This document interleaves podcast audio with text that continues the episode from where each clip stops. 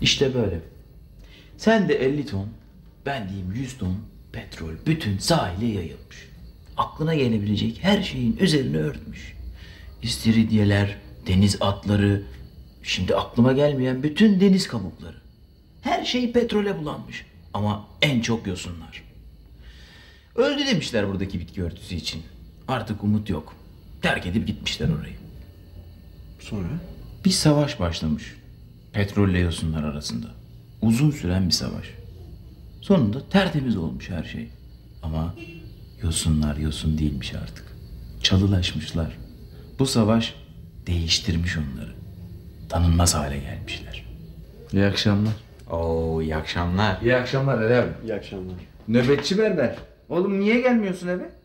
Ya ne bileyim Ali abiyle sohbete daldık öyle işte. Düğün heyecanından değil yani.